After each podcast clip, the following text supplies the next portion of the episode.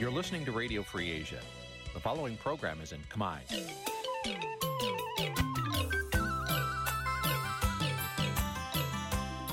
Nǐ chi càm bi tiệp xáy vệt chiu a zì sê ray នេះជាកម្មវិធីផ្សាយរបស់ Vithu Azisari ជាភាសាខ្មែរ វត្តឈូអាស៊ីសេរីសូមស្វាគមន៍លោកអ្នកនាងទាំងអស់ពីរដ្ឋធានី Washington នៃសហរដ្ឋអាមេរិក បាទប្រធានាទីវ៉ាស៊ីនតោនខ្ញុំបាទទីនសាការីយ៉ាសូមជម្រាបសួរលោកនាងកញ្ញាទាំងអស់ជាទីមេត្រី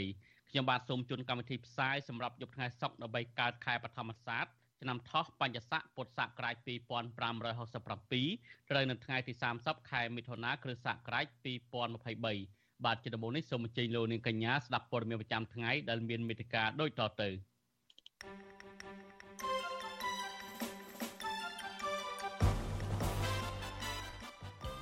ប្រជាពលរដ្ឋរិះគន់លោកហ៊ុនសែនជំវិញនឹងការប្រមានបិទ Facebook នៅកម្ពុជាគណៈបកប្រឆាំងធ្វើយុទ្ធនាការគូសស្លឹកឆ្នោតចោលសកម្មជនដេកឃ្លីកំពុងជាប់ឃុំនៅខេត្តកោះកុងទទួលរងការរំលោភបំពានសិទ្ធិពីអាជ្ញាធរ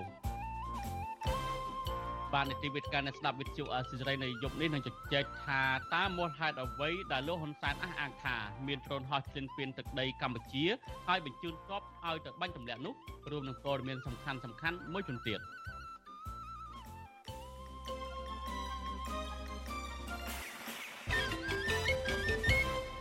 បាទលោកយុតិមិត្តរីជាបន្តទៅនេះខ្ញុំបាទសូមជូនព័ត៌មានពុស្ដា នេះវិភាគមើលឃើញថាមូលហេតុដែលលោកហ៊ុនសែនប្រមានបិទ Facebook លែងឲ្យប្រប្រាប្រាស់ដោយសារតែលោកកំពុងរងភាពអាម៉ាស់នៅចំពោះមុខប្រជាពលរដ្ឋនិងសហគមន៍អន្តរជាតិមន្ត្រីសិទ្ធិមនុស្សប្រួយបារម្ភថាបើសិនជាលោកហ៊ុនសែនបញ្ជាឲ្យបិទ Facebook នៅកម្ពុជាមែននោះនឹងធ្វើឲ្យជាតិនិងពលរដ្ឋខាត់បងច្រើន បាទលោកថាថៃរាយការណ៍ព័ត៌មាននេះពីប្រទេសអូស្ត្រាលីលោកហ៊ុនសែនដែលធ្លាប់អួតអាងថាជាអ្នកពូកែលេង Facebook និងមានអ្នកចុចតាមដានច្រើនជាងគេបំផុត បានសម្រេចចិត្តយ៉ាងតក់ក្រហល់ភ្លាមភ្លាមឈប់ប្រើប្រាស់បណ្ដាញទំនាក់ទំនងសង្គមមួយនេះតែម្ដងបន្ទាប់ពីលោកដឹងថាក្រុមហ៊ុនមេតានឹងបញ្ឈប់លោកមិនឲ្យប្រើប្រាស់ Facebook រយៈពេល6ខែ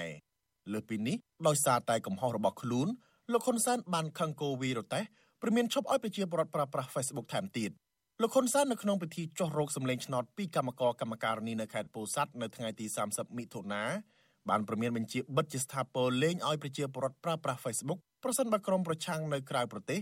សាច់ចំអកឌឺដងដែលលោកបានលុបចោលទំព័រ Facebook ជាផ្លូវការហើយអំពាវនាវឲ្យប្រជាពលរដ្ឋងាកទៅប្រើប្រាស់ប្រព័ន្ធ Telegram របស់ប្រទេសរុស្ស៊ីនិង TikTok របស់ប្រទេសចិនគ្រាន់តែបដៅពួកអ្នកក្រៅស្រុកកំពុងសបាយនៃដែលខ្ញុំបំផ្លាញចោល Facebook ប៉ុន្តែខ្ញុំនឹងផ្ដាច់ជើងលោកឯងប្រសិនបើលោកឯងប្រហឺនខ្ញុំនឹងឲ្យបិទ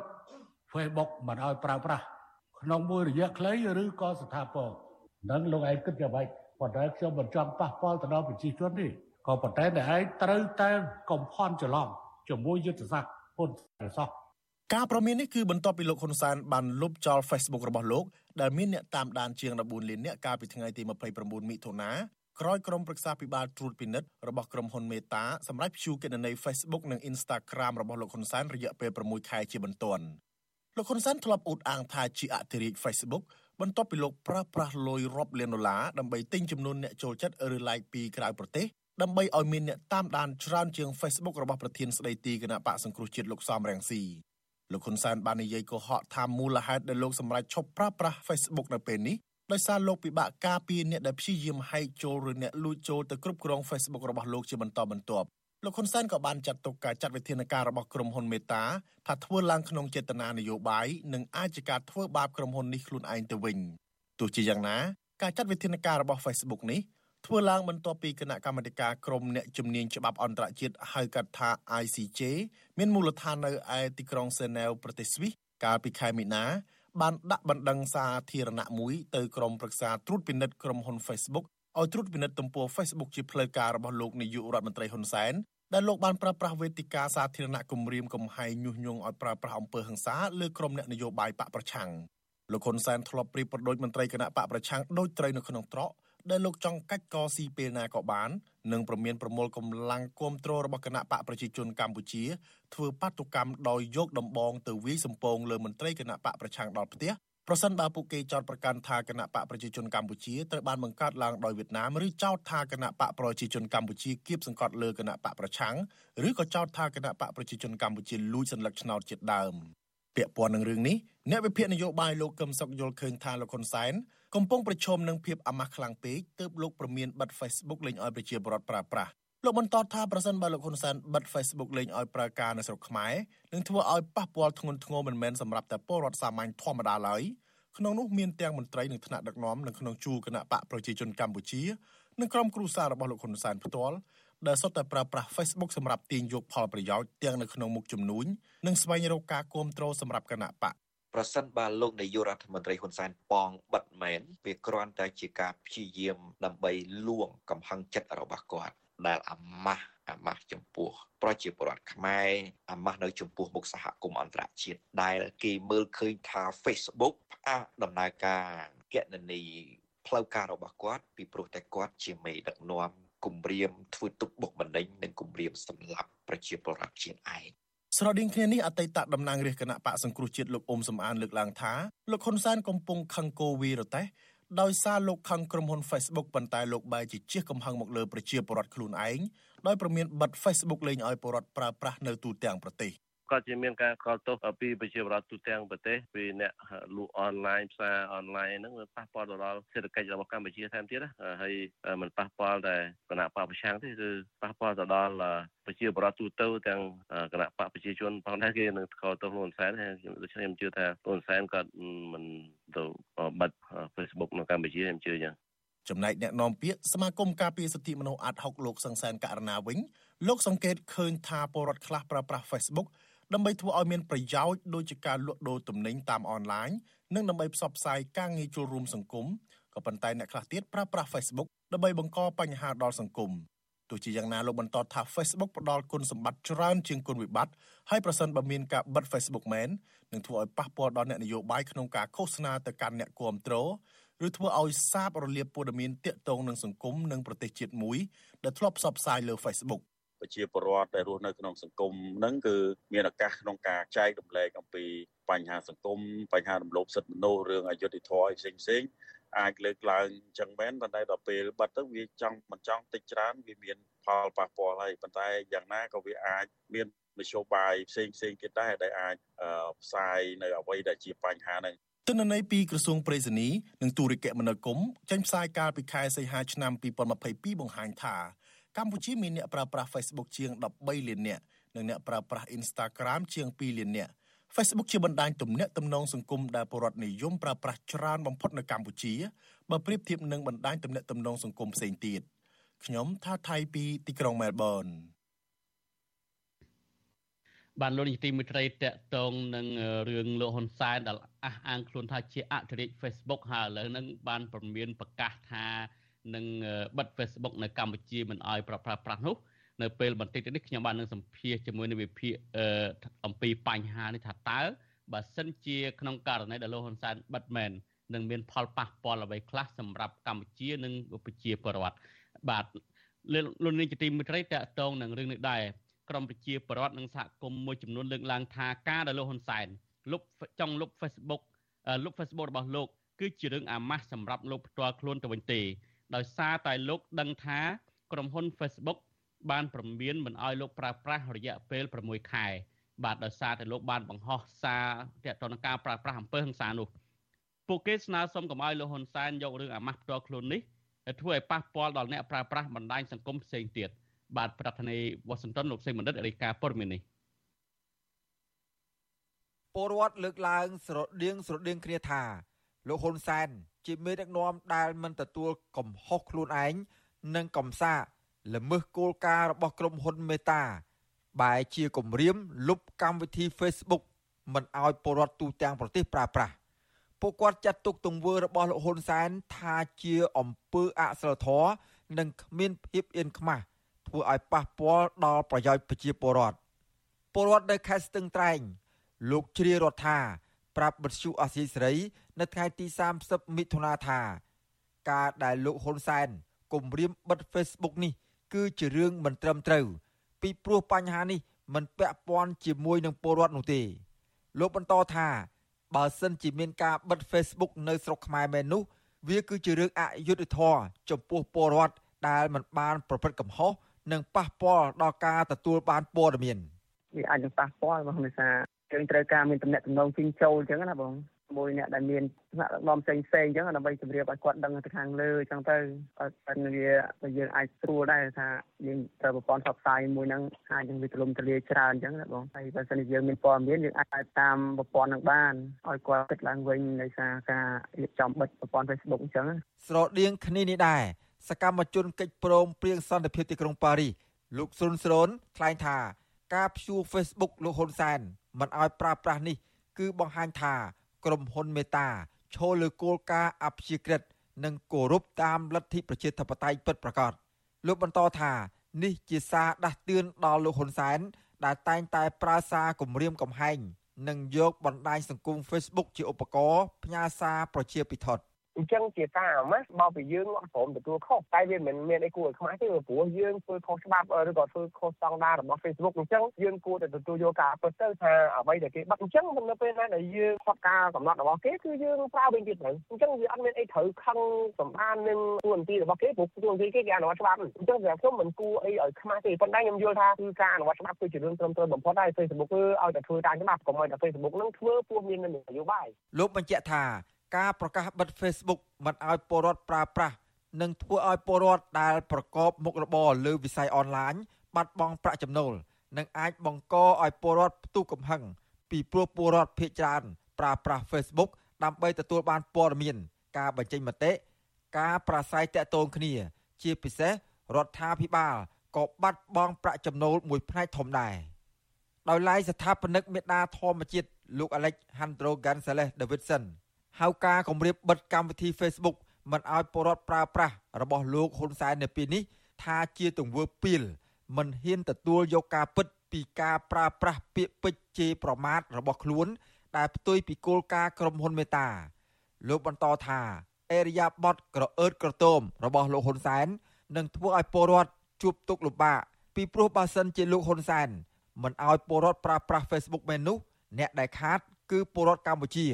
ដោយសារតែពលរដ្ឋមួយចំនួនពឹងផ្អែកលើការរកចំណូលតាម Facebook ខ្ញុំថាទង្វើនេះគឺជាទង្វើដែលប៉ះពាល់ទៅលើសេដ្ឋកិច្ចរបស់មិនត្រឹមសេដ្ឋកិច្ចរបស់ប្រជាជនមួយចំនួនតូចទេណាអានេះជាពីប្រៀបទៅនឹងបំផ្លាញផ្នែកមួយធំនៅក្នុងសេដ្ឋកិច្ចដោយតែរឿងពាក្យសម្ដីដែលគាត់ប្រើកន្លងមក EBA អារឿង EU អីហ្នឹងបិទត្រង់ចាក់គាត់ហាក់បីដូចជាបានខ្វល់ប៉ុន្តែនៅពេលដែលបិទមែនប្រជាជនអត់មានចំណូលអត់មានការងារធ្វើចូលម៉ឺនឬក៏ចូលខ្សែអ្នកអារឿងនេះដូចគ្នាដែរណាកុំឲ្យមើលស្រាលសោះត្រូវតែមើលអំពីអារឿងហ្នឹងជុំវិញរឿងនេះ មន្ត្រីជាន់ខ្ពស់ប្រព័ន្ធផ្សព្វផ្សាយនៃសមាគមបណ្ដាញយុវជនកម្ពុជា លោកម៉ាចត្រាមានប្រសាសន៍ថា ក្រុមហ៊ុនមេតា គឺគ្រាន់តែអនុវត្តតាមគោលការណ៍ក្រុមហ៊ុន Facebook ដូច្នេះលោកហ៊ុនសែន គួរតែទទួលស្គាល់ការពិត ហើយងាកមកកែតម្រូវតាមគោលការណ៍របស់ក្រុមហ៊ុន Facebook វិញលោកបន្តថាលោកសោកស្ដាយចំពោះលោកហ៊ុនសែនដែលគម្រាមបិទកម្មវិធី Facebook មិនឲ្យពលរដ្ឋប្រើប្រាស់ពីព្រោះនេះ គឺជាបញ្ហាបកុលមិនគួរណាយកជីវភាព និងវាសនាពលរដ្ឋមកទទួលកំហុសចំនួនបែបនេះឡើយ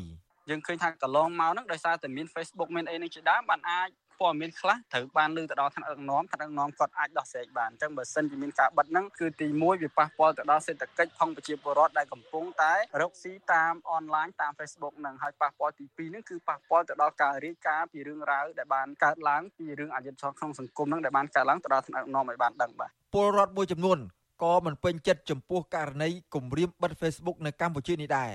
ដោយសារតែពួកគាត់ភ័យច្រើនមិនស្គាល់បណ្ដាញសង្គមថ្មីផ្សេងផ្សេងទៀតនោះទេ ពួកគាត់ស្នើសុំឲ្យលោកហ៊ុនសែនពិចារណាឡើងវិញពីព្រោះបញ្ហានេះប៉ះពាល់ដល់ប្រជាពលរដ្ឋរាប់លាននាក់និងការបាត់បង់ប្រាក់ចំណូលផ្គត់ផ្គង់ជីវភាពគ្រួសារ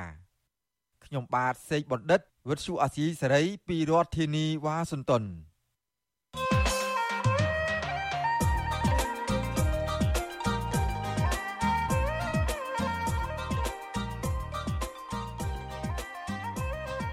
បានលួចទីមេត្រីក្រុមនៃវិភាគលើកឡើងថាលោកនាយករដ្ឋមន្ត្រីហ៊ុនសែនបញ្ជូនកងទ័ពប្រមាណជា500នាក់រួមទាំងអាវុធទំនើបទំនើបដែលលោកអះអាងថាដើម្បីទៅបាញ់កំទេចដ្រូនហោះឈ្លានពានទឹកដីកម្ពុជានោះមិនមែនជាបបផែតការពារជាតិឬប្រឆាំងនឹងបរទេសណាមួយឈ្លានពានទឹកដីកម្ពុជានោះឡើយ ពួកគេថាបញ្ហានេះទំនងជាលោកហ៊ុនសែនបង្កើតព្រឹត្តិការណ៍នយោបាយដើម្បីបង្ហាញកងកម្លាំងបដាអាវុធឲ្យបរដ្ឋភ័យខ្លាចនិងដើម្បីទប់ទល់នឹងការងើបឡើងពីផ្ទៃក្នុងគណៈបកប្រជាជនកម្ពុជា និងបរដ្ឋផ្សេងទៀតនៅពេលលោកផ្ទេរអំណាចឲ្យកូននៅក្រៅការបោះឆ្នោតតែប៉ុណ្ណោះបាទសូមលោកនាងរងចាំស្ដាប់នេតិវេទិកាអ្នកស្ដាប់វិទ្យុអាស៊ីសេរីដែលនឹងជជែកអំពីបញ្ហានេះ ថាតើអ្វីជាមូលហេតុពិតប្រាកដនៃការបញ្ជូនកងទ័ពដែលលោកហ៊ុនសែនអះអាងថាមានដ្រូនហោះឆ្លងកាត់ទឹកដីកម្ពុជានៅព្រំដែនកម្ពុជាវៀតណាមនៅខេត្តរតនគិរីនោះថាតើអ្វីជាមូលហេតុពិតប្រាកដសូមលោកនេះរងចាំទស្សនានីតិវិទ្យាអ្នកស្ដាប់វិទ្យុអសិរ័យដែលនឹងជជែកអំពីបញ្ហានេះនាពេលបន្តិចទៀតនេះបើសិនជាលោកនាងចង់បញ្ចេញជាមតិយោបល់ឬក៏សំណួរ សួរមកកាន់វិក្កាមរបស់យើងសូមលោកនាងដាក់លេខទូរស័ព្ទនៅក្នុងក្នុង comment Facebook YouTube ដែលយើងកំពុងតែផ្សាយផ្ទាល់នៅពេលនេះយើងខ្ញុំនឹងហៅទៅលោកនាងវិញបាទសូមអរគុណ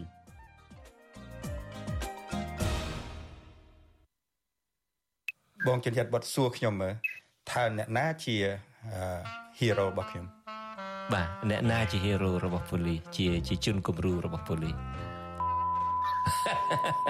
ខ្ញុំទៅមករកឃើញបាទ ក្មេងស្រីដែលល្អជាមនុស្សដែលយើងត្រូវតែយកធ្វើជាគំរូបាទមិនបាច់ទៅដល់ណាឆ្ងាយដល់នៅនឹងអូ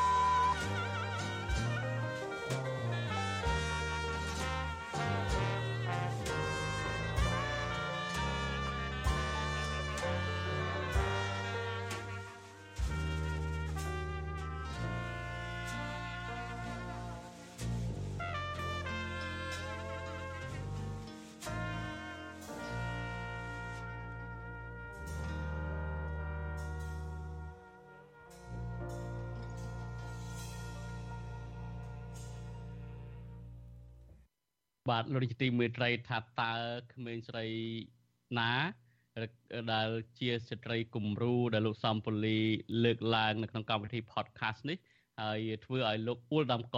ស្រក់ទឹកភ្នែកនៅពេលនេះតើតើជាអ្នកណាហើយបុកមូលហេតុអ្វីខ្លះដែលធ្វើឲ្យលោកសំពូលីនិងលោកជនចិត្តបត់នៅពេលនេះអ៊ូលដាំកហើយស្រក់ទឹកភ្នែកនេះបាទដើម្បីចង់ដឹងច្បាស់ថាតើជាអ្នកណា ហើយលោកទាំង3នឹងនិយាយអំពីរឿងអ្វីខ្លះសូមលោកនាងកុំភ្លេចតាមដានទស្សនាកម្មវិធី podcast របស់វិទ្យុអសិរ័យដែលឈ្មោះថាកម្ពុជាសប្តាហ៍នេះនៅព្រឹកថ្ងៃសៅរ៍ស្អែកនេះកុំបីខានហើយកម្មវិធីនេះនឹងចាក់ឡើងវិញ នៅយប់ថ្ងៃច័ន្ទស្ដាមសប្តាហ៍ក្រោយ បាទសូមអរគុណ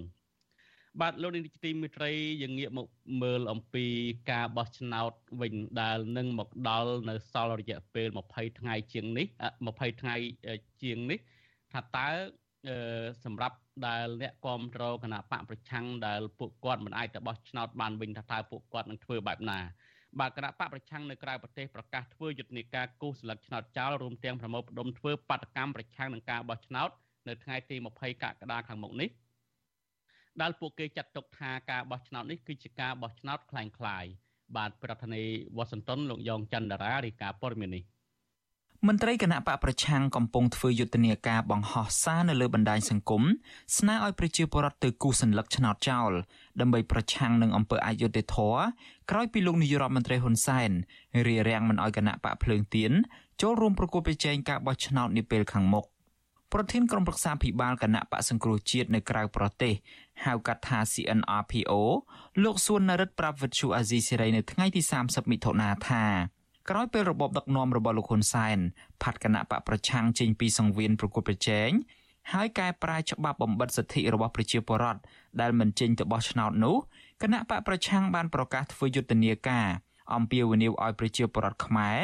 ដែលមានឈ្មោះនៅក្នុងបញ្ជីបោះឆ្នោតទាំងអស់ ចេញទៅបោះឆ្នោតក៏ប៉ុន្តែគូខ្វែងនៅលើសញ្ញាឆ្នោតចោលដើម្បីបញ្ចេញសម្លេងប្រឆាំងទៅនឹងការបោះឆ្នោតអយុត្តិធម៌នៅថ្ងៃទី23ខែកក្កដាខាងមុខនេះ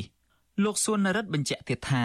មេដឹកនាំគណៈបកកំពុងមមាញឹកធ្វើសកម្មភាពការទូតហើយថ្នាក់ដឹកនាំនៅតាមបណ្ដាទ្វីបជុំវិញពិភពលោក ក៏រៀបចំធ្វើបាតុកម្មឲ្យបានច្រើនដង នៅតាមបណ្ដាប្រទេសដែលមានប្រជាពលរដ្ឋខ្មែររស់នៅនឹងធ្វើការដូចជានៅប្រទេសជប៉ុន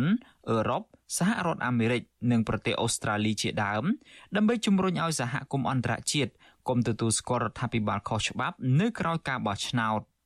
ការប្រើប្រាស់សិទ្ធិនឹងអត់មានអីពិបាកទេគឺថាសូមអំពាវនាវឲ្យទៅចូលរួមនិយាយស្រួលស្ដាប់បាទប៉ុន្តែគូសខ្វាយសិលឹកចុងឆ្នោតហើយសិលឹកឆ្នោតចោលប្រសិនបើបងប្អូនយល់ថានៅក្នុងបញ្ជីឆ្នោតនឹងនៅក្នុងលើកណ្ដាស់កោះឆ្នោតនឹងពុំមានគណៈបកដែលបងប្អូនគ្រប់គ្រងហើយនៅក្នុងស្រុកមិនបាច់ធ្វើសកម្មភាពអីធំដុំក៏គ្រឹកក្រែងទេព្រោះដើម្បីសុវត្ថិភាពរបស់បងប្អូនសាររបស់យើងនឹងបញ្ជូនរហូតពីកន្លងមកហើយរហូតទៅដល់មួយថ្ងៃមុនការបោះឆ្នោតយើងនឹងបញ្ជូនឲ្យបងប្អូនជ្រួតជ្រាបបានទូទាំងប្រទេសឲ្យបានច្រើនបំផុតដែលអាចធ្វើទៅបានស្រដៀងគ្នានេះតំណាងពលករធ្វើការនៅប្រទេសថៃនិងជាសកម្មជនគណៈបកប្រឆាំងលោកឈនសុខឿនប្រាប់ថាបច្ចុប្បន្នក្រុមការងាររបស់លោកកំពុងចោះជួបក្រុមកម្មករខ្មែរធ្វើការនៅតាមតំបន់នានានៅប្រទេសថៃរួមទាំងបង្ហោះសារនិងរូបភាពនៅលើបណ្ដាញសង្គមថែមទៀតដើម្បីពន្យល់ពួកគាត់អំពីការប្រើប្រាស់សិទ្ធិសេរីភាពនិងសារៈសំខាន់នៃការគូសខ្វែងនៅលើសញ្ញាឆ្នោតចោលនៅថ្ងៃបោះឆ្នោត ដើម្បីប្រឆាំងទៅនឹងការបោះឆ្នោតคล้ายៗនៅថ្ងៃទី23ខែកក្កដាខាងមុខនេះដែលអវត្តមានគណៈបកភ្លើងទៀនលោកឲ្យដឹងទៀតថាក្រុមកម្មការនឹងនាំគ្នាចេញដាក់ញត្តិនៅតាមបណ្ដាស្ថានទូតនៃប្រទេសម្ចាស់ហត្ថលេខីកិច្ចព្រមព្រៀងសន្តិភាពទីក្រុងប៉ារីសថ្ងៃទី23តុលាឆ្នាំ1991នៅពេលឆាប់ៗខាងមុខនេះដើម្បីជំរុញឲ្យលោកហ៊ុនសែនងាកមកគោរពសិទ្ធិមនុស្សនិងលទ្ធិប្រជាធិបតេយ្យ ព្រមទាំងរៀបចំការបោះឆ្នោតដោយសេរីត្រឹមត្រូវនិងយុត្តិធម៌ឡើងវិញយើងមិនចូលរួមបោះឆ្នោតនៅថ្ងៃទី23ខែកក្កដានោះទេព្រោះអីថ្ងៃនោះគឺជាថ្ងៃបោះឆ្នោតខ្លែងខ្លាយដោយសារគ្មានគណៈបកភ្លើងទៀនទី2គឺយើងបើសិនតែមេដឹកនាំលោកហ៊ុនសែនក៏ដូចជាគណៈបកកណ្ដាលអំណាចនឹងបង្ខំឲ្យទៅបោះឆ្នោតគឺប្រជាពលរដ្ឋទាំងអស់ហ្នឹងគឺទៅចូលរួមបោះឆ្នោតគឺទៅគូសស្លឹកឆ្នោតខ្វែងចោលតែម្ដងបាទអានេះគឺជាយុទ្ធនាការពួកយើងធ្វើរាល់ថ្ងៃយុទ្ធនាការប្រជាពលរដ្ឋនឹងទៅគូសសញ្ញាឆ្នោតចោលនេះធ្វើឡើងនៅស្របពេលដែលលោកហ៊ុនសែនបានអះអាងជាថ្មីទៀតនៅក្នុងខេត្តពោធិ៍សាត់នៅថ្ងៃទី30មិថុនាថាច្បាប់បោះឆ្នោតដែលសភាឯកបៈរបស់លោកបានធ្វើវិសោធនកម្ម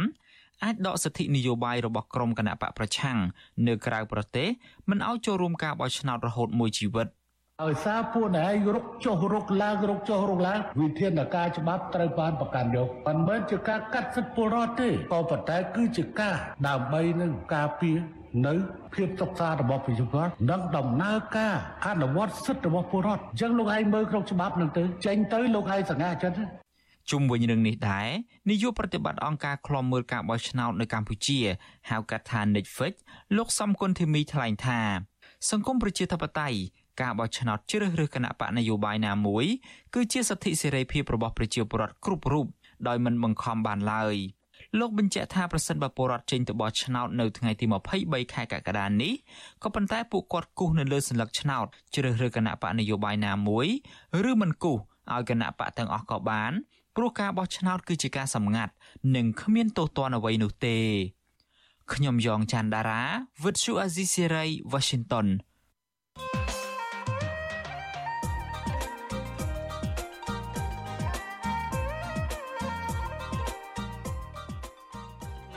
ឡើងថាលោកនាយរដ្ឋមន្ត្រីហ៊ុនសែនបញ្ជូនកងទ័ពប្រមាណជា500នាក់រួមទាំងអាវុធទំនើបទំនើបដែលលោកអះអាងថាដើម្បីទៅបាញ់កំទេចដ្រូនហោះឆ្លៀនពៀនទឹកដីកម្ពុជានោះ មិនមែនជាបុព្វហេតុការពារជាតិឬប្រឆាំងនឹងបរទេសណាមួយឆ្លៀនពៀនទឹកដីកម្ពុជានោះឡើយពួកគេថាបញ្ហានេះទំនងជាលោកហ៊ុនសែនបង្កើតព្រឹត្តិការណ៍នយោបាយដើម្បីបង្ហាញកងកម្លាំងប្រដាប់អាវុធឲ្យបរដ្ឋភ័យខ្លាចនិងដើម្បីទប់ទល់នឹងការងើបឡើងពីផ្ទៃក្នុងគណៈបកកណ្ដាលអំណាចនិងបរិបផ្សេងទៀតនៅពេលលោកផ្ទេរអំណាចឲ្យកូននៅក្រៅការបោះឆ្នោតតែប៉ុណ្ណោះបាទសូមលោកនាងរងចាំទស្សនានីតិវិទ្យាអ្នកស្ដាប់វិទ្យុអាស៊ីសេរីដែលនឹងជជែកអំពីបញ្ហានេះនៅពេលបន្តិចទៀតនេះកុំបីខាន បាទបើសិនជាលោកនាងមានសំណួរចង់សួរមកកាន់វិក្កាមរបស់យើងសូមដាក់លេខទូរស័ព្ទនៅក្នុងខ្ទង់ comment Facebook YouTube ដែលយើងកំពុងតែផ្សាយផ្ទាល់នេះក្រុមការងាររបស់យើងនឹងហៅទៅលោកនាងវិញបាទសូមអរគុណ បាទលោកជាទីមេត្រីរឿងមួយទៀតនៅខេត្តកោះកុងឯនោះវិញប្រជាសហគមន៍ដីធ្លីនៅស្រុកបទុមសាគរខេត្តកោះកុងអះអាងថាអាជ្ញាធរនិងតុលាការខេត្តនេះកំពុងតែរំលោភសិទ្ធិសកម្មជនដីធ្លី11នាក់ដែលកំពុងតែជាប់ឃុំដោយហាមឃាត់មិនឲ្យតំណាងសហគមន៍និងមន្ត្រីសង្គមស៊ីវិលតាមដានករណីនោះឡើយបាទសង្គមស៊ីវិលយល់ឃើញថាអាជ្ញាធរមិនគួរចាប់ខ្លួនសកម្មជនដីធ្លីយកទៅឃុំឃាំងនិងចោទប្រកាន់ពួកគាត់នោះទេ ពីព្រោះបរិរងគ្រោះទាំងនោះគ្រាន់តែប្រើប្រាស់សិទ្ធិដើម្បីស្វែងរកយុត្តិធម៌ពីចំនួនដីធ្លីតែប៉ុណ្ណោះបាទសូមលោកនេះរងចាំស្ដាប់សេចក្តីរាយការណ៍នេះពឹស្ដារនៅក្នុងកម្មវិធីផ្សាយរបស់យើងនៅព្រឹកស្អែកបាទលោកនេះជាទីមេត្រីលោកនេះទៅបានស្ដាប់អឺព័ត៌មានប្រចាំថ្ងៃរបស់វិទ្យុអាស៊ីសេរីដែលជម្រាបជូនដល់ខ្ញុំបាទធីនសាការីយ៉ាពីរដ្ឋធានី Washington សូមលោកនាងរងចាំទស្សនានីតិវិទ្យាអ្នកស្ដាប់អាស៊ីសេរីនៅពេលបន្តិចទៀតនេះ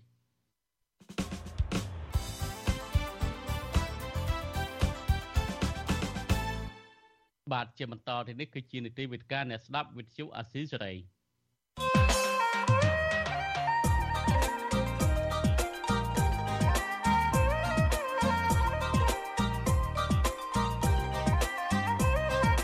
វេទិកាអ្នកស្ដាប់វិទ្យុអាស៊ីសេរី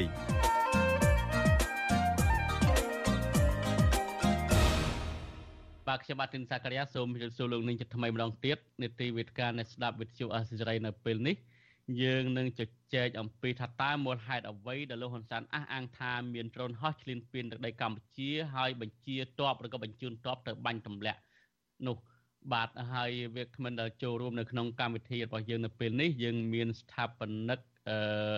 វត្តភ្នំសេរីអឺគឺប្រជាជនបបន្ទិញហើយកណាសូមថ្វាយបង្គំព្រះអង្គកណា កណាអរគុណច្រើនហើយវាគ្មិនយើងមួយរូបទៀតដែលជានិវិភាអិតសំចៃមាត់ដែរនោះគឺលោកកំសុកខ្ញុំបាទសូមជម្រាបសួរលោកកំសុកបាទបាទសូមជម្រាបសួរលោកទីនសាការីយ៉ាសូមថ្វាយបង្គំព្រះគុណម្ចាស់បុត្របន្ទិញនិងបងប្អូនអ្នកតាមដានវិទ្យុអាស៊ីសេរីទាំងអស់បាទបាទអរគុណណាស់ដែលព្រះអង្គនិមន្តចូលរួមកម្មវិធីរបស់កណាហើយអរគុណលោកកំសុកដែលបានចូលរួមក្នុងការពិភាក្សានៅពេលនេះបាទមុននឹងយើងជជែកអំពីប្រធានបទអឺ វេទិកាអ្នកស្ដាប់វិទ្យុអសិរ័យថាតើអ្វីជាមូលហេតុពិតប្រាកដដែលលោកហ៊ុនសែនអះអាងថាមានដ្រូនហោះឆ្លងកាត់ទឹកដីកម្ពុជានៅព្រំដែនរតនគិរីនៅនៅខេត្តរតនគិរីព្រំដែនកម្ពុជាវៀតណាមនោះខ្ញុំសូមទាញការចាប់អារម្មណ៍សួរលោកកំសុកបន្តិចបន្តិចសិនតកតងនឹងរឿងថ្មីថ្មីនេះតែម្ដងរឿងកំពុងតែក្តៅកគុកដែលមហាជនកំពុងតែតាមដាននោះគឺរឿង Facebook លោកហ៊ុនសែនយើងដឹងហើយយើងឃើញស្ដីប្រកាសព័ត៌មានរបស់ពី ICJ ហ្នឹងគឺឃើញថា ក្រុមហ៊ុន Facebook នឹងពមៀនលោកហ៊ុនសែនមិនឲ្យលោកប្រើប្រាស់រយៈពេល6ខែដោយសារតែលោកបង្ហោះនៅសារហឹង្សារបស់លោកនៅលើបណ្ដាញសង្គម Facebook ហើយសារហឹង្សាសំខាន់ដែលកណាចមិនច្រឡំទេហើយចាប់អារម្មណ៍ដែរនោះគឺថាលោកហ៊ុនសែននឹងបញ្ជូនជនពៀលទៅវាយដល់ផ្ទះចំពោះបរដ្ឋណាដែលហ៊ានរិះគន់ថាការបោះឆ្នោតនោះមិនត្រឹមត្រូវនឹងយុត្តិធម៌ ហើយនឹងមានសារហិង្សាផ្សេងផ្សេងទៀតនេះហើយជាដើមចមដែលក្រុមហ៊ុន Facebook អឺពមៀនមិនឲ្យលោកហ៊ុនសែនប្រើប្រាស់រយៈពេល6ខែប៉ុន្តែអ្វីជាក់ស្ដែងនោះគឺថាលោកហ៊ុនសែនបានកលៃបានបំផន់ភ្នែកមហាជនថាលោកមិនប្រើលោកបិទ Facebook ចោលរបស់លោកនោះគឺដោយសារតែមានអ្នកផ្សេងទៅបង្កើតឈ្មោះផ្សេងផ្សេងទៀតធ្វើឲ្យភ័ន្តច្រឡំផ្ទុយទៅវិញអ្វីដែលជាក់ស្ដែងទំនងជាលោកលោកបានដឹងរឿងនេះមុនហើយលោកបិទប្រើប្រាស់ខ្លួនឯង ការដែលបិទប្រើ Facebook ខ្លួនឯងចោលមិនសំខាន់ទេអ្វីដែលសំខាន់ដែលធ្វើឲ្យប៉ះពាល់ដល់មហាជនប្រជាប្រដ្ឋនោះនៅថ្ងៃនេះលោកពមៀនបិទ Facebook មិនឲ្យបរដ្ឋប្រើប្រាស់នៅកម្ពុជាតែម្ដងបញ្ហានេះខ្ញុំតើលោកកំសុកយល់ឃើញបែបណាដែរបាទការប្រមានបិទ Facebook របស់លោកហ៊ុនសែនដូចជាមិនមានហេតុផលអ្វីសោះគ្រប់គ្រងគំនិតរបស់គាត់ ក្រៅតែពី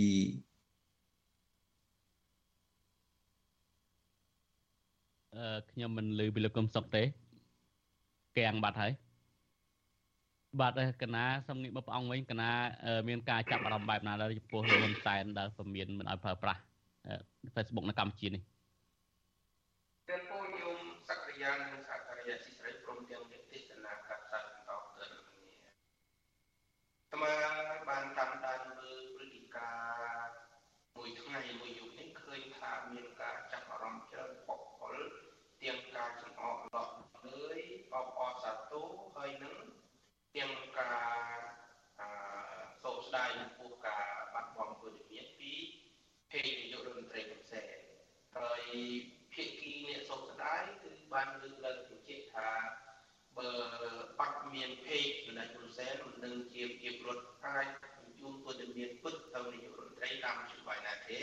ព្រោះកន្លងមកដែលមានដំណោះស្រាយខ្លះលើបញ្ហាសង្គមគឺតាមរយៈភេករបស់លោកនាយករដ្ឋមន្ត្រីហ៊ុនសែន ក៏ប៉ុន្តែក្រោយពីអត់ភេកនាយករដ្ឋមន្ត្រីហ៊ុនសែនទៅបញ្ហាសង្គមអាចនឹងកាន់តែពិបាកក្នុងការទទួលបានដំណោះស្រាយព្រោះហ៊ុនសែនអត់មានមធ្យោបាយឃើញតាម Facebook អានឹងពីមតិយោបល់ពីអ្នកសោកស្ដាយក្នុងការបាត់ពីនាយករដ្ឋមន្ត្រីហ៊ុនសែនពេលនេះមតិសោកស្ដាយពីទៀតពីទៀតហើយយើងមើលមតិពីការអបអរសាទរដែល ប្រជាពលរដ្ឋសាមញ្ញធម្មតាមិនអាចយកជាជំនឿលើរឿងសាររបស់ហ៊ុនសែនបានគឺប្រជាពលរដ្ឋបានបញ្ជាក់អំពីការកាត់ផ្ដាច់ចរន្តហិង្សាព្រោះហ៊ុនសែនបានប្រើប្រាស់បណ្ដាញសង្គម Facebook ក្នុងគោលបំណងពេញជ្រាបមនោគមហិង្សារបស់គាត់ហើយដល់ពេលហ៊ុនសែនអស់មធ្យោបាយ Facebook គឺមានន័យថាហើយយន្តការហិង្សាអាត្មាអត់ហៅថាយន្តការកំណត់ត្រៃទេយន្តការហិង្សារបស់ហ៊ុនសែនគឺត្រូវបានកាត់ផ្ដាច់មួយផ្នែកធំ ហើយកាន់តែរុញឲ្យប្រជាពលរដ្ឋមានជំនឿមកកម្រិតទីថាមានអំណាចធំប៉ុណ្ណាក៏ដោយពឹងសារអស្ចារ្យយ៉ាងណាក៏គង់មានថ្ងៃបញ្ចប់របស់វាហើយថ្ងៃបញ្ចប់របស់វាគឺចប់ដោយហេតុផលហើយអ្នកដែលស្រឡាញ់ពឹងសារគឺតែងតែទៅទូទូអញ្ចឹងដំណាក់កាលនៃការពិនិត្យរបស់ Facebook ដែល toxic ប្រើប្រាស់របស់ហ៊ុនសែនរយៈពេល6ខែ ធ្វើឲ្យហ៊ុនសែនខឹងសម្បាហើយដើម្បីលុបលាងកំហុសហ្នឹងហ៊ុនសែនប្រើសារពីរសារទី1គាត់ថាប្រើ Telegram ងាយស្រួលគាត់ទៅក្រៅប្រទេសត្រួតប្រើប៉ុន្តែ Facebook និង Telegram តរទីណាក៏ប្រើបានតែគេលេងតែជានឹងក្រេកជើងហើយហ៊ុនសែននឹកឃើញថាអត់ជានឹងក្រេកជើងនៅពេលដែលកូនគាត់ឡើងធ្វើយុទ្ធរដ្ឋគាត់ជូនកូនគាត់ទៅលេងចិននឹងក្រេកជើងដើម្បី ដោយថាមីបាលើកដៃកូនភាសាទៅខាងទៀតអត់មានមិនកំណត់ហើយមីបាក្នុងការប្រើ Facebook នៅក្នុងចិនអញ្ចឹងមិនកើតយល់លេខប៉ុន្តែលេខនោះលេខក្រោបដណ្ដប់ឬក៏លេខបិទបាំងទៅលើអំពើអាម៉ាស់របស់គាត់ហ្នឹងចំណុចទី1ចំណុចទី2គឺសាររបស់ហ៊ុនសែនបានលើកឡើងថាគាត់លុប Facebook ចូលសូមអុយបងប្អូនកុំតាមដាន Facebook ដោយហេតុថា គេបង្កើត page សម្ដេចហ៊ុនសែនច្រើនពេកហើយរួមទាំងអឺលោកបណ្ឌិតសូណារ៉ូគេហៅបណ្ឌិតឯកទេសបត់ដោយឈាមហ្នឹងគាត់អឺបានជួយបង្កប់ហ៊ុនសែនថា page របស់ហ៊ុនសែនគេបង្កើតឡើងច្រើនពេកដូច្នេះมันអាចប្រើប្រាស់ Facebook បានទេទៅសម្ដេចត្រូវសម្រេចចិត្តលុបចោលក៏ប៉ុន្តែហេតុផលពិតគឺទីពីនេះហើយនឹងដែលគេមើលឃើញពីតាមដានបានគ្រប់គ្នាហ៊ុនសែនក៏ឡៃ ក្រុមហ៊ុនសែនក៏ឡៃប៉ុណ្ណឹងហើយចុះរឿងនៃអនុប្រយោគសម្បត្តិសេដ្ឋកិច្ចសង្គមគេគឺក៏ឡៃប៉ុណ្ណាទៅចុះរឿងបញ្ហាអយុត្តិធម៌សង្គមនៅក្នុងសង្គមគេក៏ឡៃប៉ុណ្ណាទៅចុះរឿងចោតប្រកាន់ខុបខិតជាមួយបរទេសក៏ឡៃប៉ុណ្ណាទៅសិតតែជារឿងក៏ឡៃអញ្ចឹងបានលោកសំដារាសំមេស៊ីបានលើកថាអ្វីអ្វីដែលយើងមើលឃើញនៅក្នុងសង្គមខ្មែរសប្តាហ៍សុទ្ធសឹងតែជារឿងคล้ายคล้ายហើយសំពស៊ីថាជារឿងផាក់ពើ ហើយការផាក់ពើនោះគឺថាធ្វើឲ្យជាប្រខ្មែរយល់ច្រឡំលេងដឹងសោះហើយព្រោះរឿងគេគេផាក់ពើសង្គមខ្មែរសប្តាហ៍មិនមែនត្រូវធ្វើឲ្យផ្សេងក្រៅពីលៀងពើឲ្យច្បាស់កាលណាយើងលៀងពើបានច្បាស់សង្គមខ្មែរយើងមើលឲ្យវាច្បាស់ដែរហើយដូច្នេះអ្នកដែលអបអរសាទរនឹងការបិទ Facebook ហ៊ុនសែនគឺមានចំនួនច្រើនជាងអ្នកដែលសុខកាយបង អរគុណច្រើនព្រះអង្គ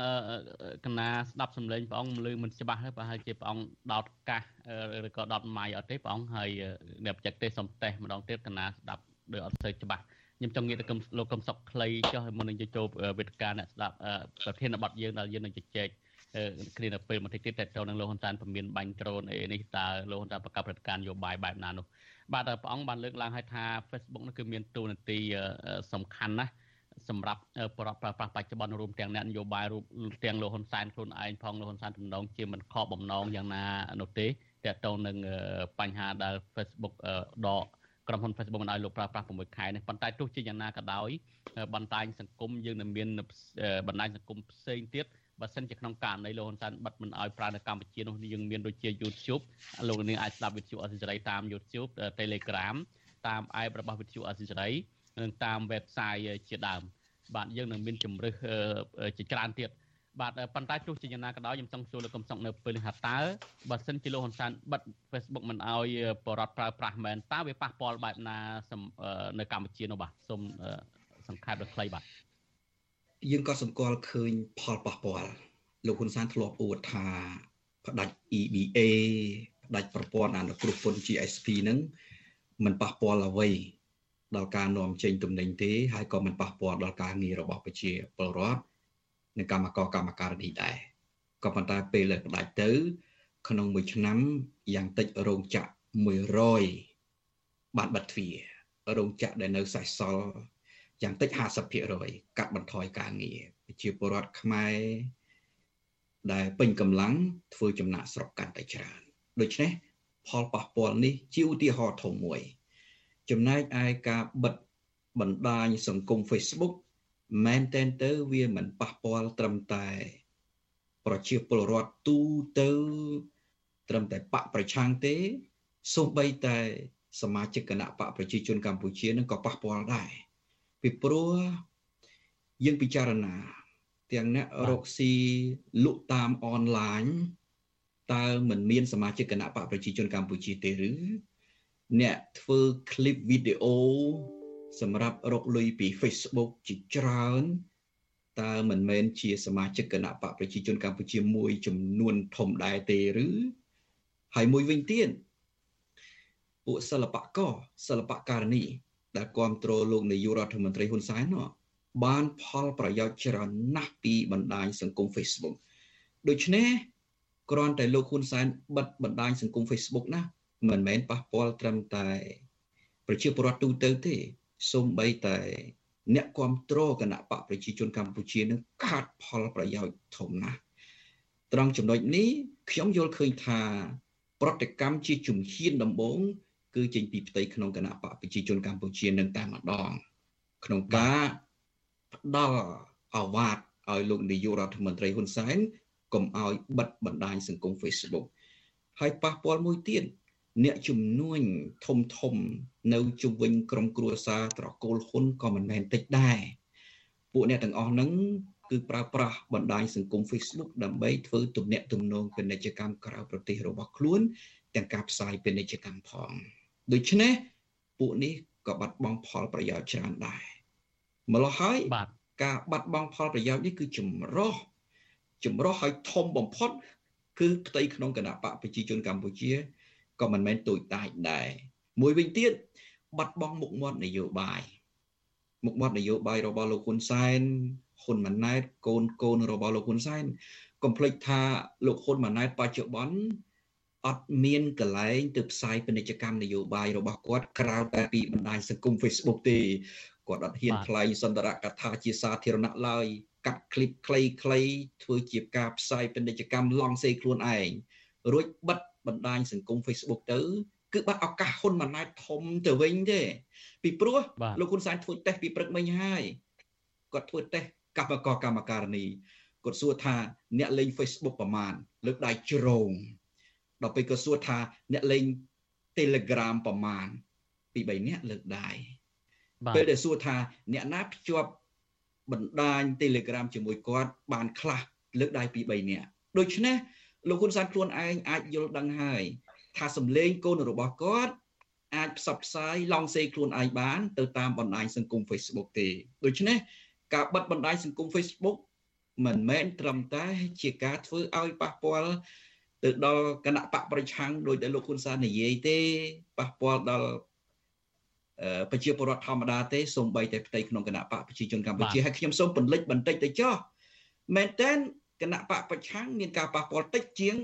គណៈបកប្រជាជនកម្ពុជាទេដោយសារអីដោយសារអ្នកគ្រប់គ្រងគណៈបកប្រឆាំងទលំទលាយចម្រោះហើយធំទាំងនៅក្នុងប្រទេសទាំងនៅក្រៅប្រទេសនៅថៃជិត3លាននាក់អ្នកគ្រប់គ្រងគណៈបកប្រឆាំងមិនក៏1លាន5សែននាក់ដែរដូច្នេះ1លាន5សែននាក់នៅកូរ៉េនៅអឺរ៉ុបនៅផ្សេងផ្សេងទៀតដែលជាបណ្ដាញរបស់គណៈបកប្រឆាំងគេអាចប្រើ app ផ្សេងតាដើម្បីបញ្ជូនព័ត៌មានទៅក្នុងស្រុកដូច្នេះហើយ មិនមែនគណៈបកប្រឆាំងឬអ្នកប្រជាធិបតេយ្យប៉ះពាល់ធំទេប៉ះពាល់ធំបំផុតនោះគឺគណៈបកប្រជាជនកម្ពុជាខ្លួនឯងបាទលន់សានតើជាមេដឹកនាំមួយរូបធំត្រូវដែរទេនៅពេលដែលខ្លួនឯងសាងកំហុសហើយមិនទទួលយកកំហុសនឹងដោយខ្លួនឯងទេហើយបែរជាអឺ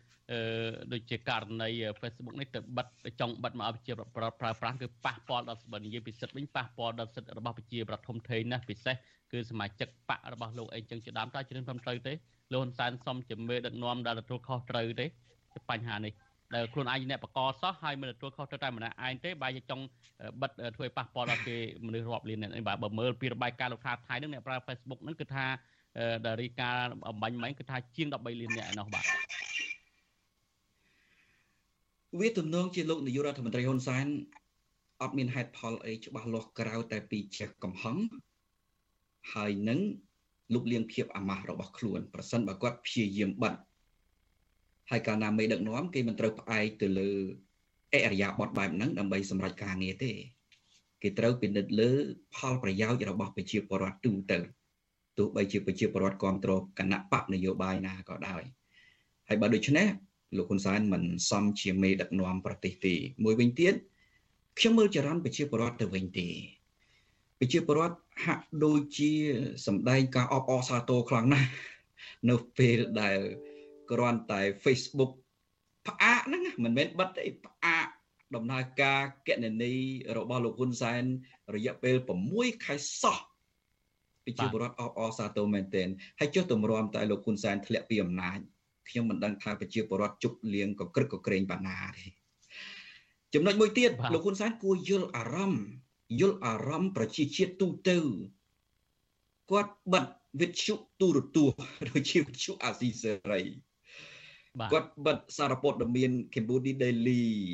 និងបណ្ដាញព័ត៌មានផ្សេងផ្សេងទៀតបិទគេទាំងអយុត្តិធម៌មិនឲ្យផ្សាយពីក្នុងស្រុក គាត់បិទគណៈបកនយោបាយគណៈបកសង្គ្រោះជាតិគណៈបកភ្លើងទៀនមិនឲ្យចូលរួមប្រកួត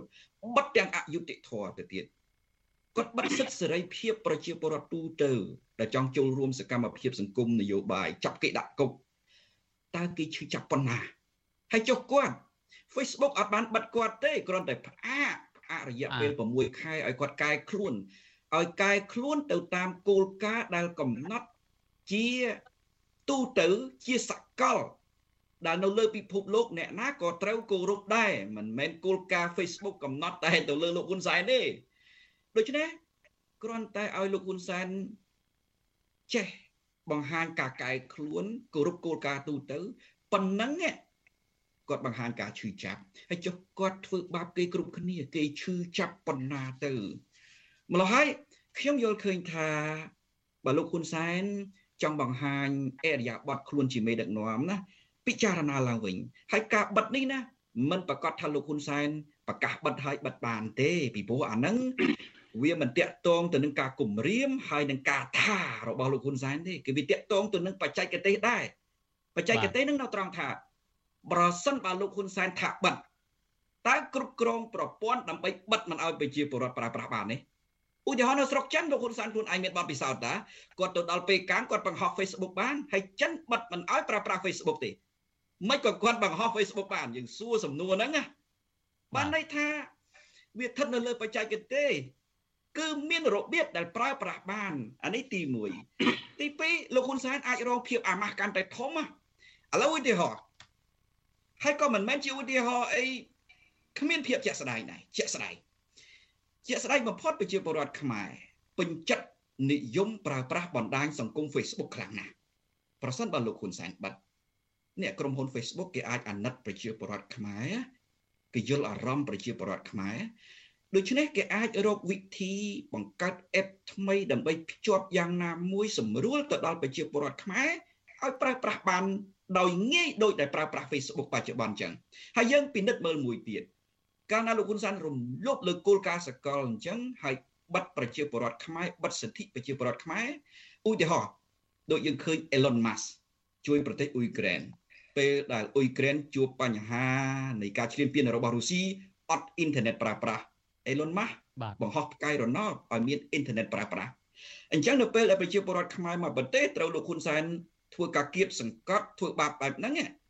អាចមានសេដ្ឋីពិភពលោកណាមួយ សហការជាមួយក្រុមហ៊ុន Facebook គេបាញ់ផ្កាយរណបឬបង្កើត app មួយភ្ជាប់ដើម្បីជួយប្រជាពលរដ្ឋខ្មែរឲ្យប្រើប្រាស់បណ្ដាញសង្គមកាន់តែទូលាយប្រើប្រាស់ YouTube កាន់តែទូលាយប្រើប្រាស់ Facebook កាន់តែទូលាយក្នុងការភ្ជាប់ប្រើប្រាស់ភ្ជាប់ app ផ្សេងកាន់តែទូលាយដើម្បីទទួលព័ត៌មានពេលហ្នឹងហ៊ុនសែនកាន់តែអាម៉ាស់ខ្លាំងទៅទៀតទៅវិញទេម្ល៉េះហើយក៏បាត់ Facebook ល្អជាង បាទអរគុណលោកកឹមសុខទោះបីជា ក្នុងករណីដែលមិនមានអ្នកណាជួយទៅដល់កម្ពុជាក៏ដោយបើក្នុងករណីបិទមិនយើងនឹងមានប្រព័ន្ធផ្សេងៗទៀតច្រើនណាស់ដូចជា Telegram ខ្លួនឯងដែលលោកកំសុកលើកឡើងថាទោះបីជាបច្ចុប្បន្នតិចក៏ដោយនៅពេលហ្នឹងអាចថាប្រជាជននៅអាចស្ដាប់បានព័ត៌មានពិសេសប៉ុន្តែវាមិនទលាដូច Facebook ក៏ដោយប៉ុន្តែនៅលឺបាននៅមើលបានដូចជាករណី របស់វិទ្យុអសិរ័យអីចឹងជាដើមនៅតែស្ដាប់បាននៅយើងមាន app របស់វិទ្យុអសិរ័យមាន website មាន YouTube អីចឹងជាដើមប៉ុន្តែចង់សួរលោកកំសុកដល់ខ្លីបន្តិចទៅខ្ញុំឆ្លើយដល់ខ្លីបន្តិចលោកកំសុកយើងនឹងចូលវេទិកាអ្នកស្ដាប់បើសិនជាយើងមើលឃើញថារឿងនេះគឺជារឿងកំហឹងផ្ទាល់ខ្លួនលោកហ៊ុនសែននៅវិញទេខ្លួនឯងទេប៉ុន្តែបែរជាមកធ្វើឲ្យប៉ះពាល់ដល់គេមួយប្រទេសនេះ តើបរដ្ឋខ្មែរគួរតែនៅស្ងៀមចឹងទេយាកន្លងមកយើងឃើញថាហ៊ុនសែនធ្វើអ្វីអ្វីក៏បានកែច្បាប់ចាប់ដាក់គុកចាប់ស្អីសពបែបយ៉ាងទាំងអស់ប៉ុន្តែករណីទាំងអស់ហ្នឹងប៉ះទៅលើអ្នកដែលសកម្មជនបកប្រឆាំងទៅលើអ្នករិះគន់ប៉ុន្តែឥឡូវនេះ Facebook ប៉ះទាំងផ្ទៃក្នុងបកខ្លួនឯងទៀតប៉ះទាំងបរដ្ឋដែលមិនពាក់ព័ន្ធនឹងនយោបាយប៉ះទាំងអស់តើបរដ្ឋទាំងអស់គួរតែនៅសងំស្ងៀមឲ្យលោកហ៊ុនសែនដែលរឿងកំហុសខ្លួនឯងសោះហើយមកធ្វើបាបបិទសិទ្ធិគេអញ្ចឹងទេបើក្នុងក្នុងករណីបិទមែនបាទ កំហុសរបស់លោកហ៊ុនសែនសុតសាបដូច្នេះរឿងនេះមួយបង្ហាញអំពីភាពអាម៉ាស់ធំណាស់របស់លោកហ៊ុនសែនហើយគាត់ខឹងច្រឡោតនៅមិនស្ងៀមទេខ្ញុំគិតថាឆ្លើយតបទៅនឹងរឿងនេះប្រសិនបើលោកហ៊ុនសែននៅតែប្រមានដដែលដដែលត្រូវឆ្លើយទៅលោកហ៊ុនសែនពីរយ៉ាងមួយយ៉ាងទី1បន្ទាប់ពីលោកហ៊ុនសែនអាម៉ាស់ពីការផ្អាក Facebook ត្រូវធ្វើឲ្យលោកហ៊ុនសែនអាម៉ាស់ដោយប្រជាពលរដ្ឋខ្មែរអញ្ជើញទៅបោះឆ្នោតថ្ងៃទី23ខែកក្កដាឆ្នាំ2023ក៏ប៉ុន្តែមិនទៅគូសឲ្យគណៈបកប្រជាជនកម្ពុជាទេទៅគូសសัญลักษณ์ឆ្នោតចោលដើម្បីប្រឆាំងនឹងអយុត្តិធម៌បងប្អូនឃើញហើយលោកហ៊ុនសែនជាប្រមាថ គំរាមធ្វើទុកបុកម្នេញគំរាមសម្លាប់ជាអំពើអយុត្តិធម៌សកលមួយ Facebook ព្រមានអា6ខែឥឡូវនេះយើងប្រជាពលរដ្ឋខ្មែរត្រូវព្រមានលោកហ៊ុនសែនតាមរយៈការគូសសន្លឹកឆ្នោតចោលដើម្បីប្រឆាំងអយុត្តិធម៌អយុត្តិធម៌ធំណាស់នៃការបោះឆ្នោត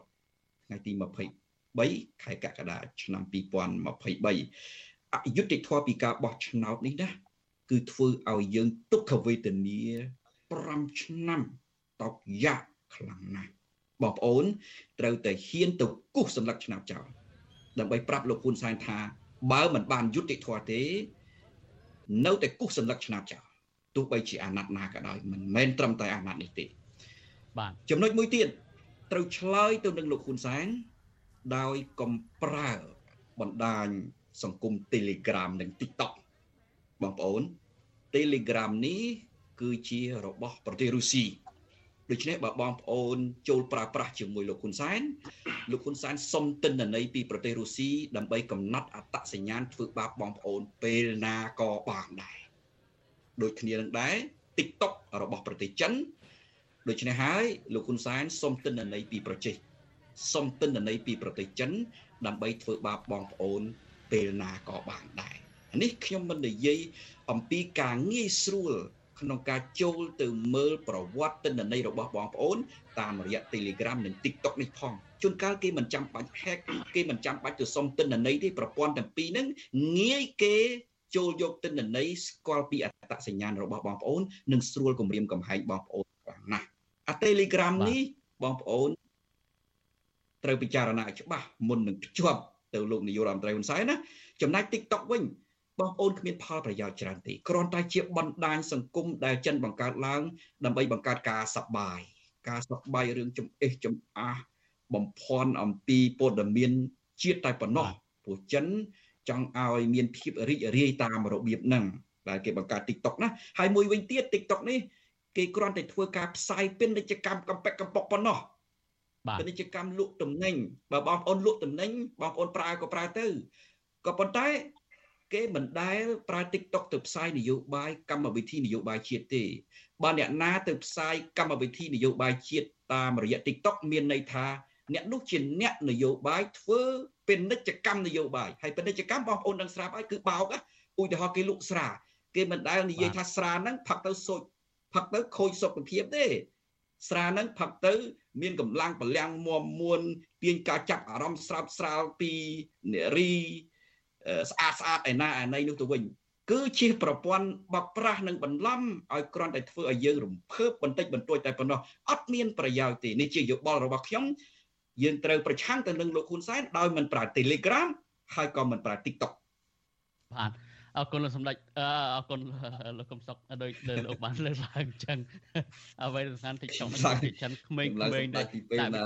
ខ្លីខ្លីឡើងរំដើម្បីទាញការចាប់អារម្មណ៍ឲ្យគេមើលតែតែប៉ុណ្ណោះ បាទ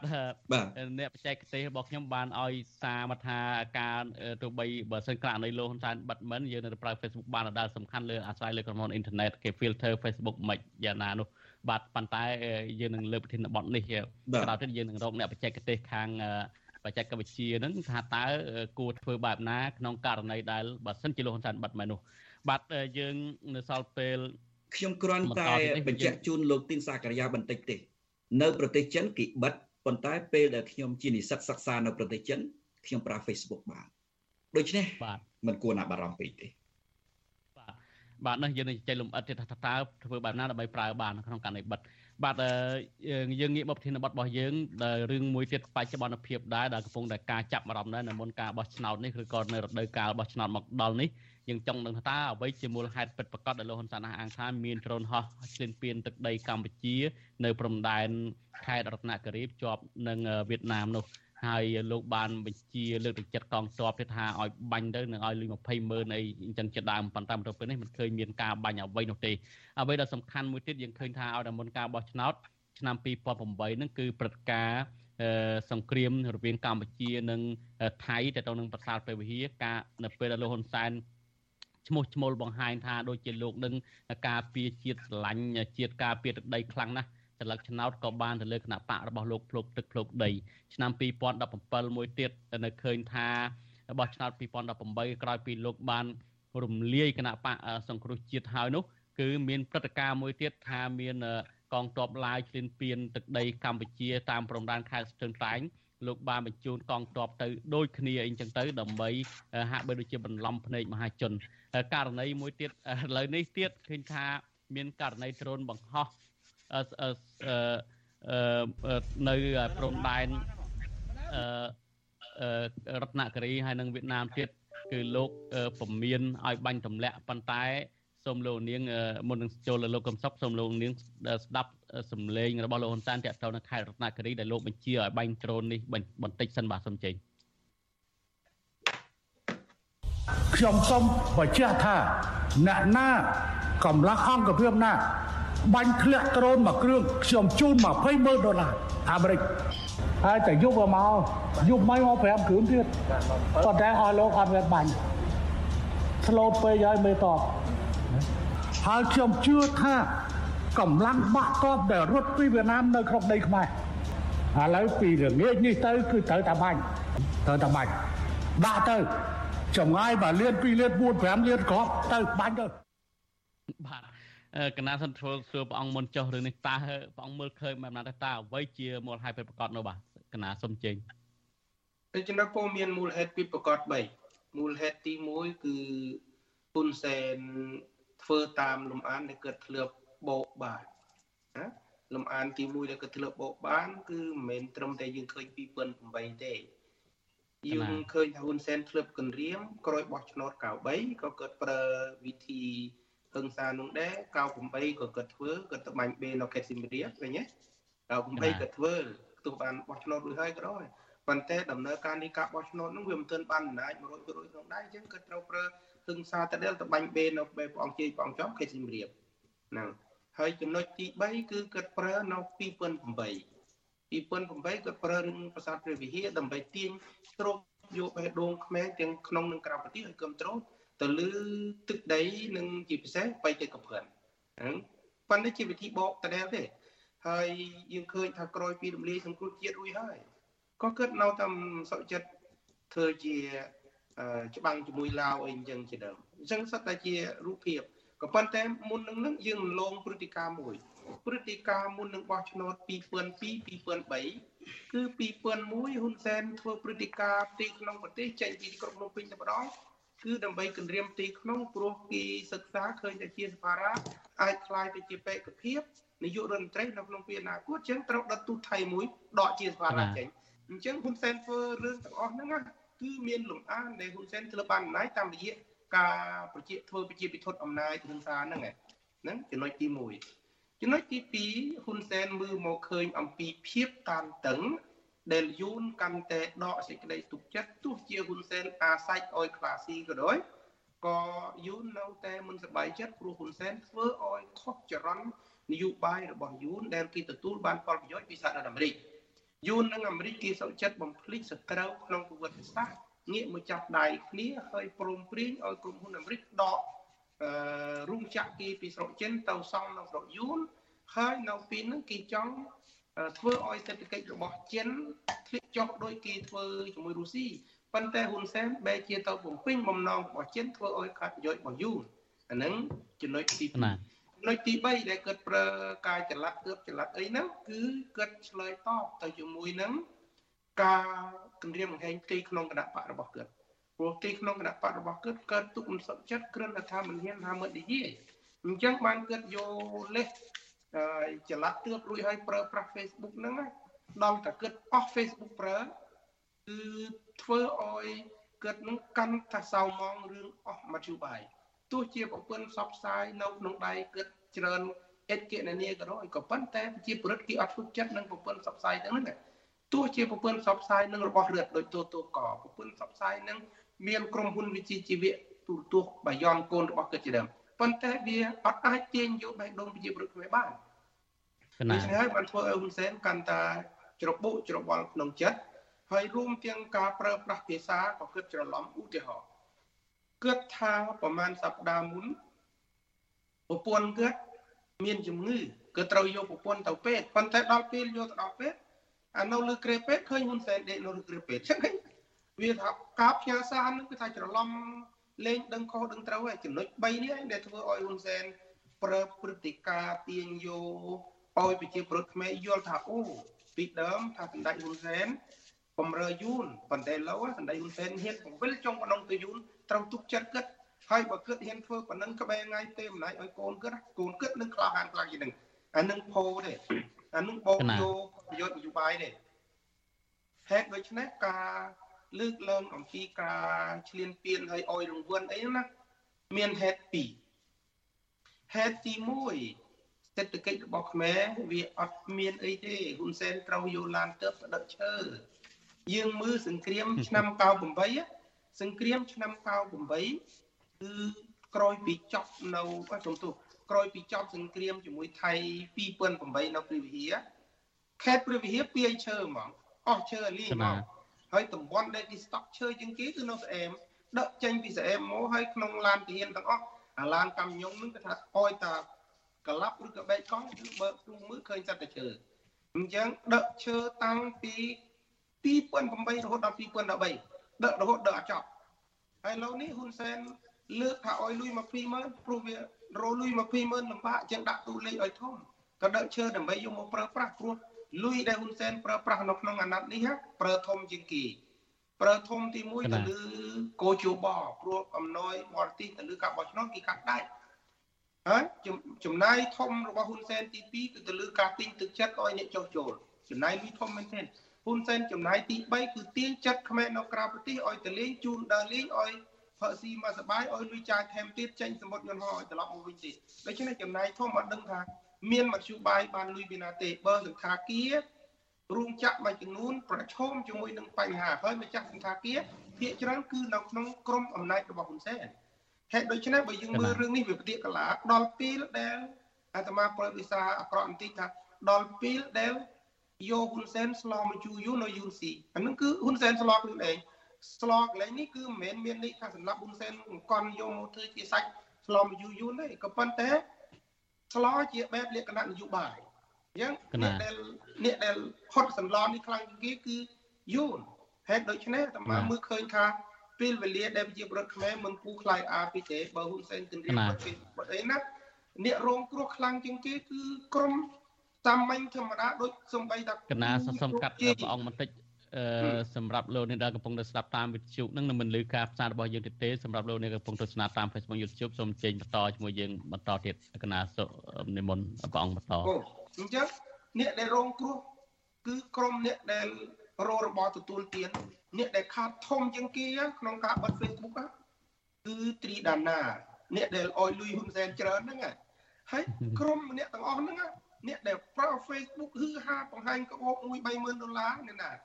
អ្នកស្រី